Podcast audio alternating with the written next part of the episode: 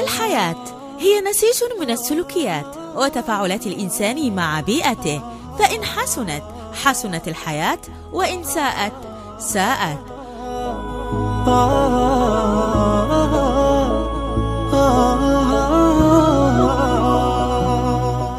برنامج سلوك. تنفذه مؤسسة متطوعون بتمويل من مؤسسة العون للتنمية.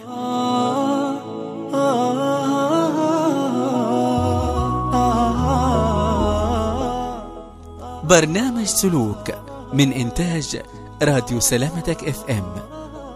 تعده وتقدمه أروى عبود. يشاركها التقديم سامي صالح.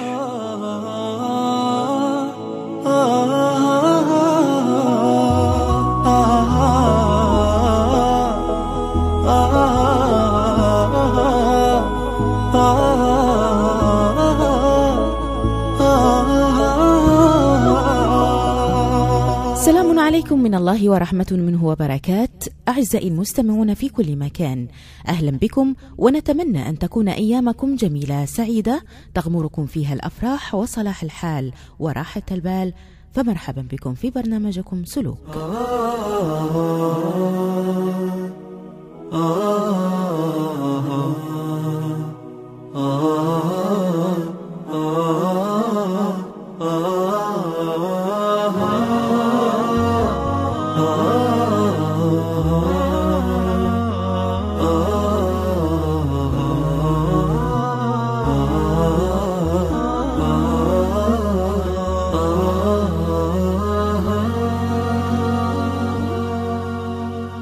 أحبتي النظافة هي مقدار عظيم من الإيمان والصحة والسلوكيات الحسنة كما أنها بوابة حسن التواصل والاندماج مع المجتمعات.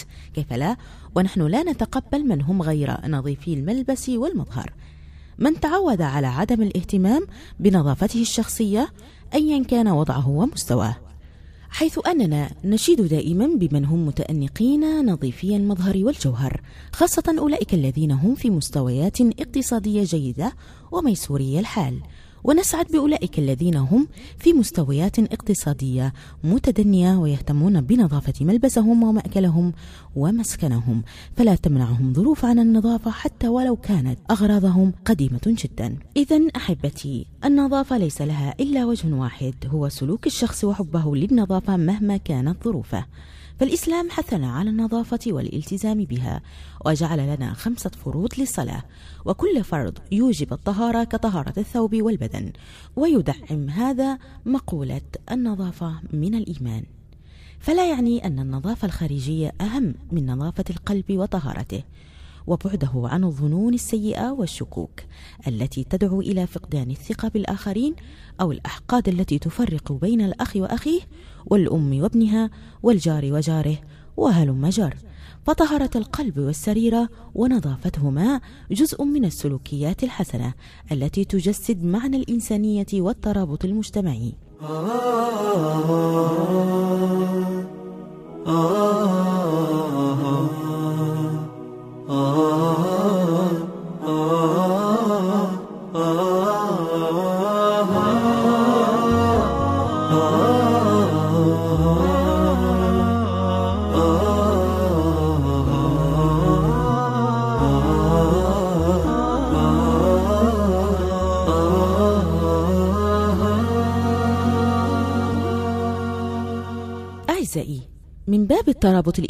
الاجتماعي نتحدث هنا عن أيام الأعياد التي شرعها لنا الله والتي هي سبيل لقوة الرابطة بين الأرحام والجيران وإصلاح ذات البين والعلاقات المجتمعية.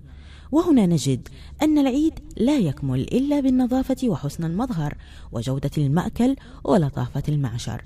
وبخاصة عيد الأضحى الذي تقوى فيه الروابط الاجتماعية وتظهر فيه مظاهر الإيثار كيف لا؟ وهي الأضاحي التي توزع من مال الأغنياء إلى الفقراء من ذات المجتمع.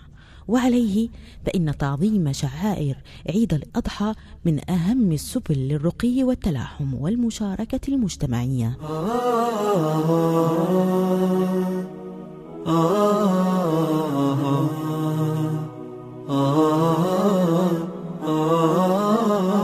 آه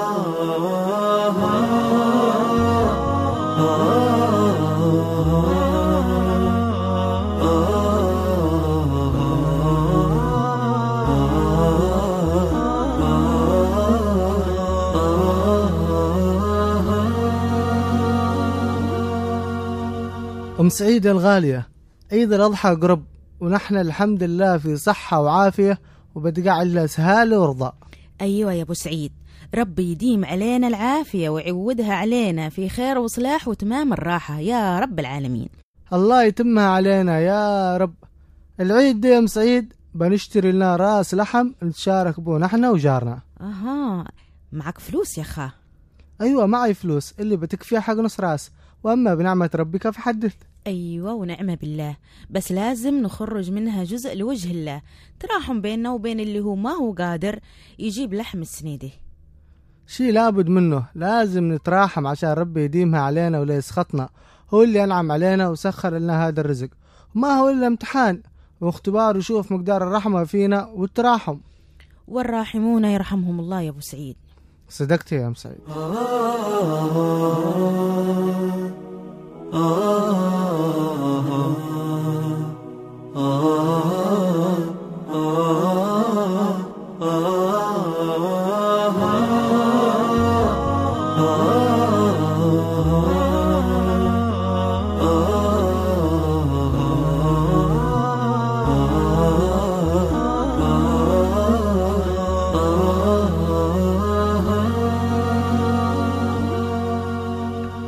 سعيد قل لي. فين دي المرة بتذبح الراس؟ ها لكنك لا تقول لي عندنا في الدار. لا لا يا حرمة دي المرة اتفقت أنا وجارنا بنذبحه في المسلخ. لا لا لا لا, لا. شوفني ما بغيت شي مسلخ. بالله عليك بعد نحن من المسالخ يا أبو سعيد. بغينا في مكان نظيف خلوا جارنا ده هو اللي يذبحه في داره عنده والله في مكان تاني. المهم إنه مش في مسلخ. عشان كل مرة نحن نتشارك معه والذبح يقعد في دارنا ونحن شوف نحن نتصوع ونين نتضايق من دشي صدق لا دارنا ولا داره. لازم يكون في المسلخ. سكون من التعب نناولهم وشي مسالخ هي كما أيام زمان يا أبو سعيد؟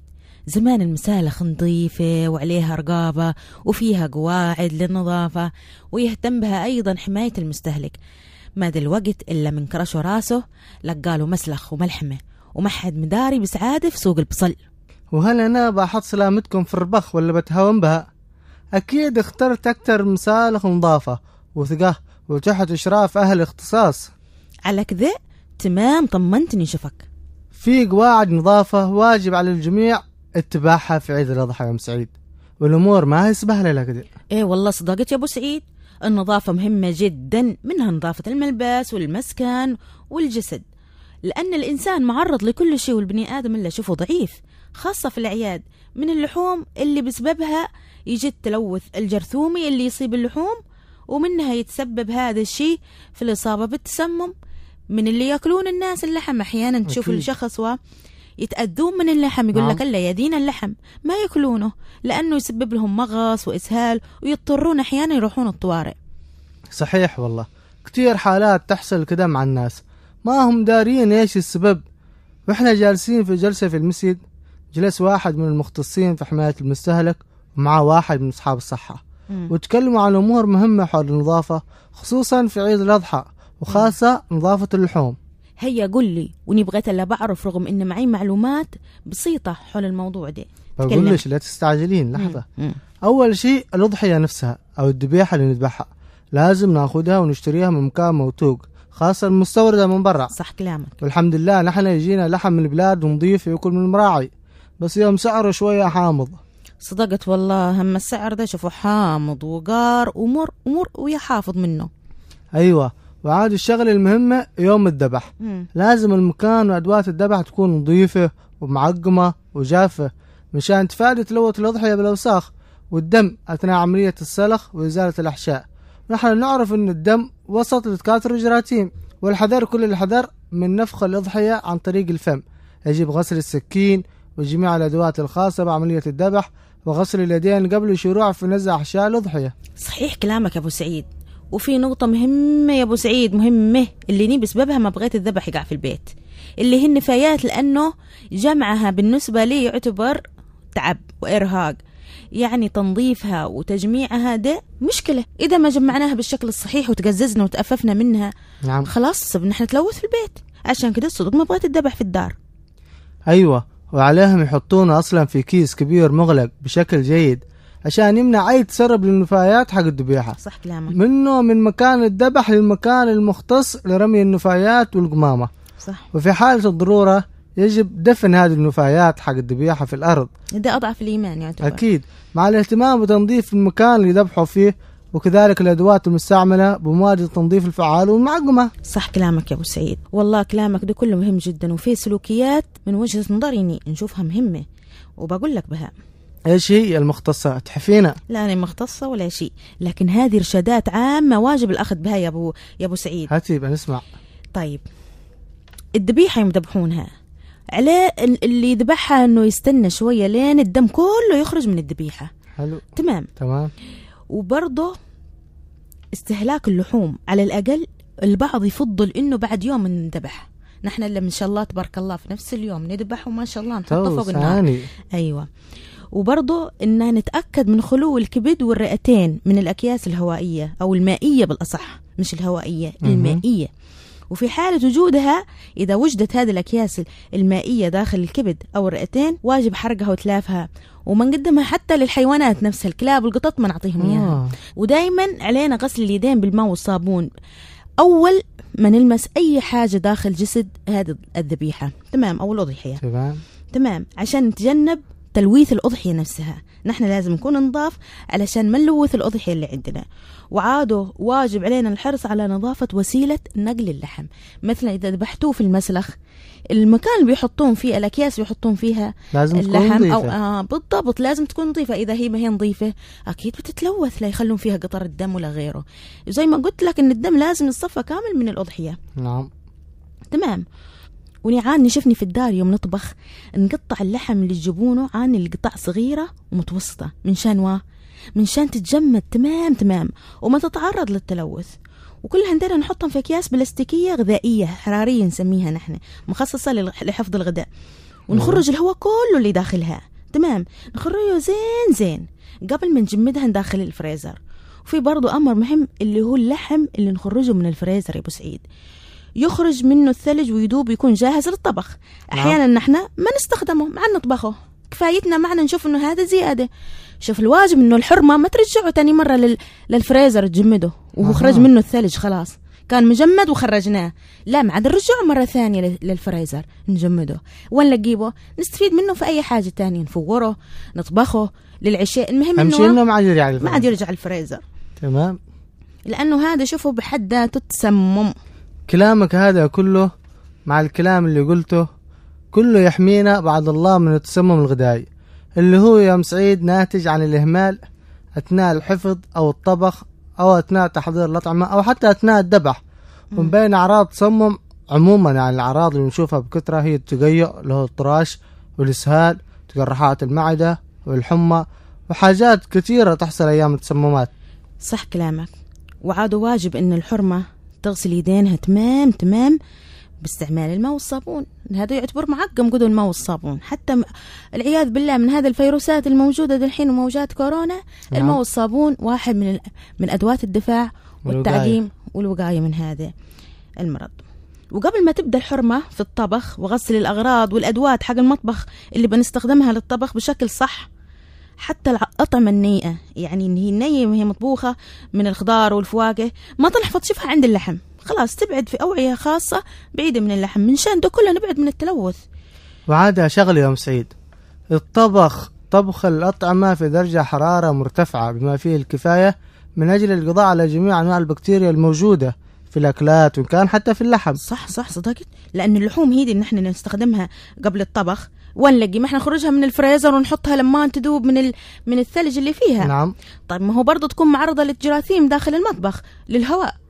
صح ولا لا. صح. تمام. عشان كده لازم نحن إيش نسوي؟ نقوم بغليه والاهتمام بطبخه بشكل كامل بحيث إنه خلاص نقضي على هذه الجراثيم نتأكد إنه خلاص نحن مطمنين دالحين إن الجراثيم والبكتيريا الموجودة في اللحم بفعل الهواء وال... والجو المحيط خلاص كلها انتهت من هذا اللحم. ونقدر بعدين نستخدمه للأكل. تمام عليك يا أم سعيد. وهلا هلا بالنفايات والتخلص منها بشكل صحيح. مشان ما نلوث دارنا ولا مدينتنا ولا نسبب الأمراض ومضايقات لأهالينا. ويلا يحمينا وكل بني آدم يا رحيم. يا كريم يا رحيم ارزقنا من كل خيراتك يا الله وجميع المسلمين. آمين يا رب.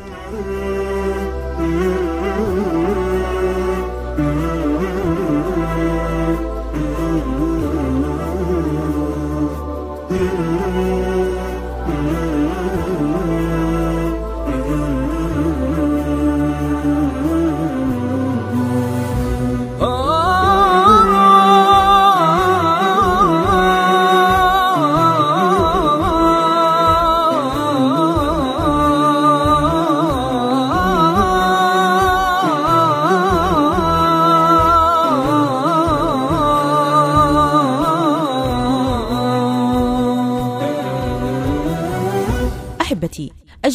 تسجيلات واستطلاعات مع عدد من الأشخاص فلنستمع إليها. طبعا النظافة آه، أمر مهم جدا آه، فلا بد على الجميع أن يهتم آه، بالنظافة ولا سيما في أيام العيد يهتم المجتمع والمواطنين بنظافة بالنظافة بشكل عام وبالذات في جانب الذبائح واللحوم.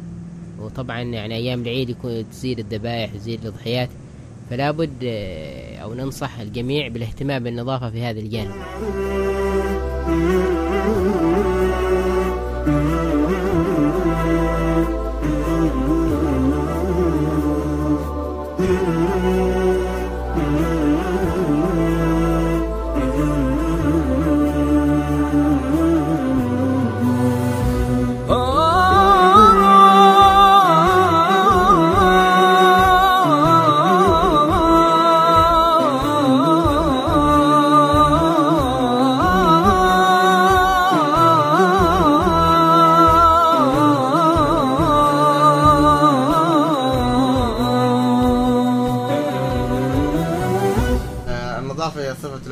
وهي واجب عليه إنه يهتم بنظافته لأن النظافة سلوك إنساني بحت.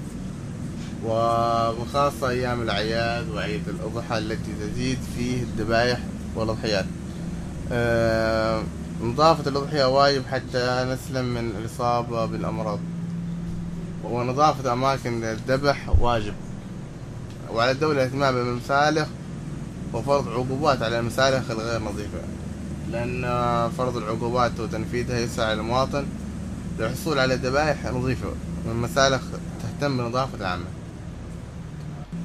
وعلى الناس الذين يذبحون داخل بيوتهم الاهتمام بالنظافة أولا في بيوتهم. آه، ثم الاهتمام بنظافة الشارع وعدم رمي مخلفات الذبح في مكب القمامة. وبل عليهم دفنه حتى لا تسبب بروائح كريهة في الأحياء ولا بتلوث كبير في أيام الفرح والأعياد.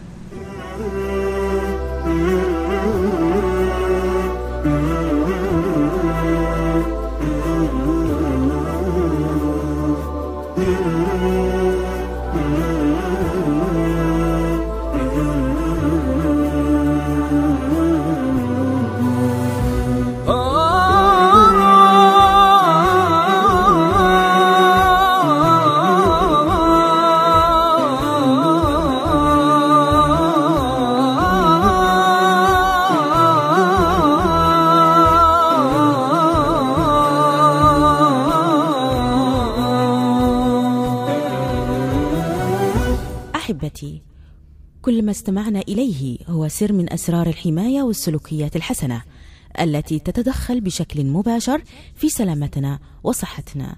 فاتباعها مهم ونقلها لتوعية الآخرين مساو له في الأهمية.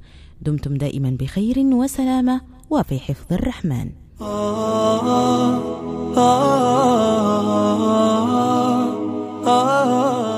الحياة هي نسيج من السلوكيات. وتفاعلات الإنسان مع بيئته. فإن حسنت حسنت الحياة وإن ساءت ساءت.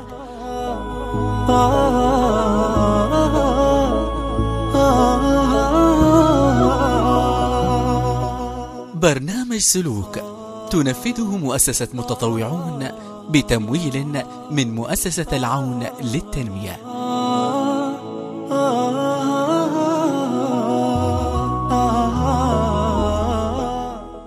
برنامج سلوك من إنتاج راديو سلامتك إف إم. تعده وتقدمه أروى عبود يشاركها التقديم سامي صالح.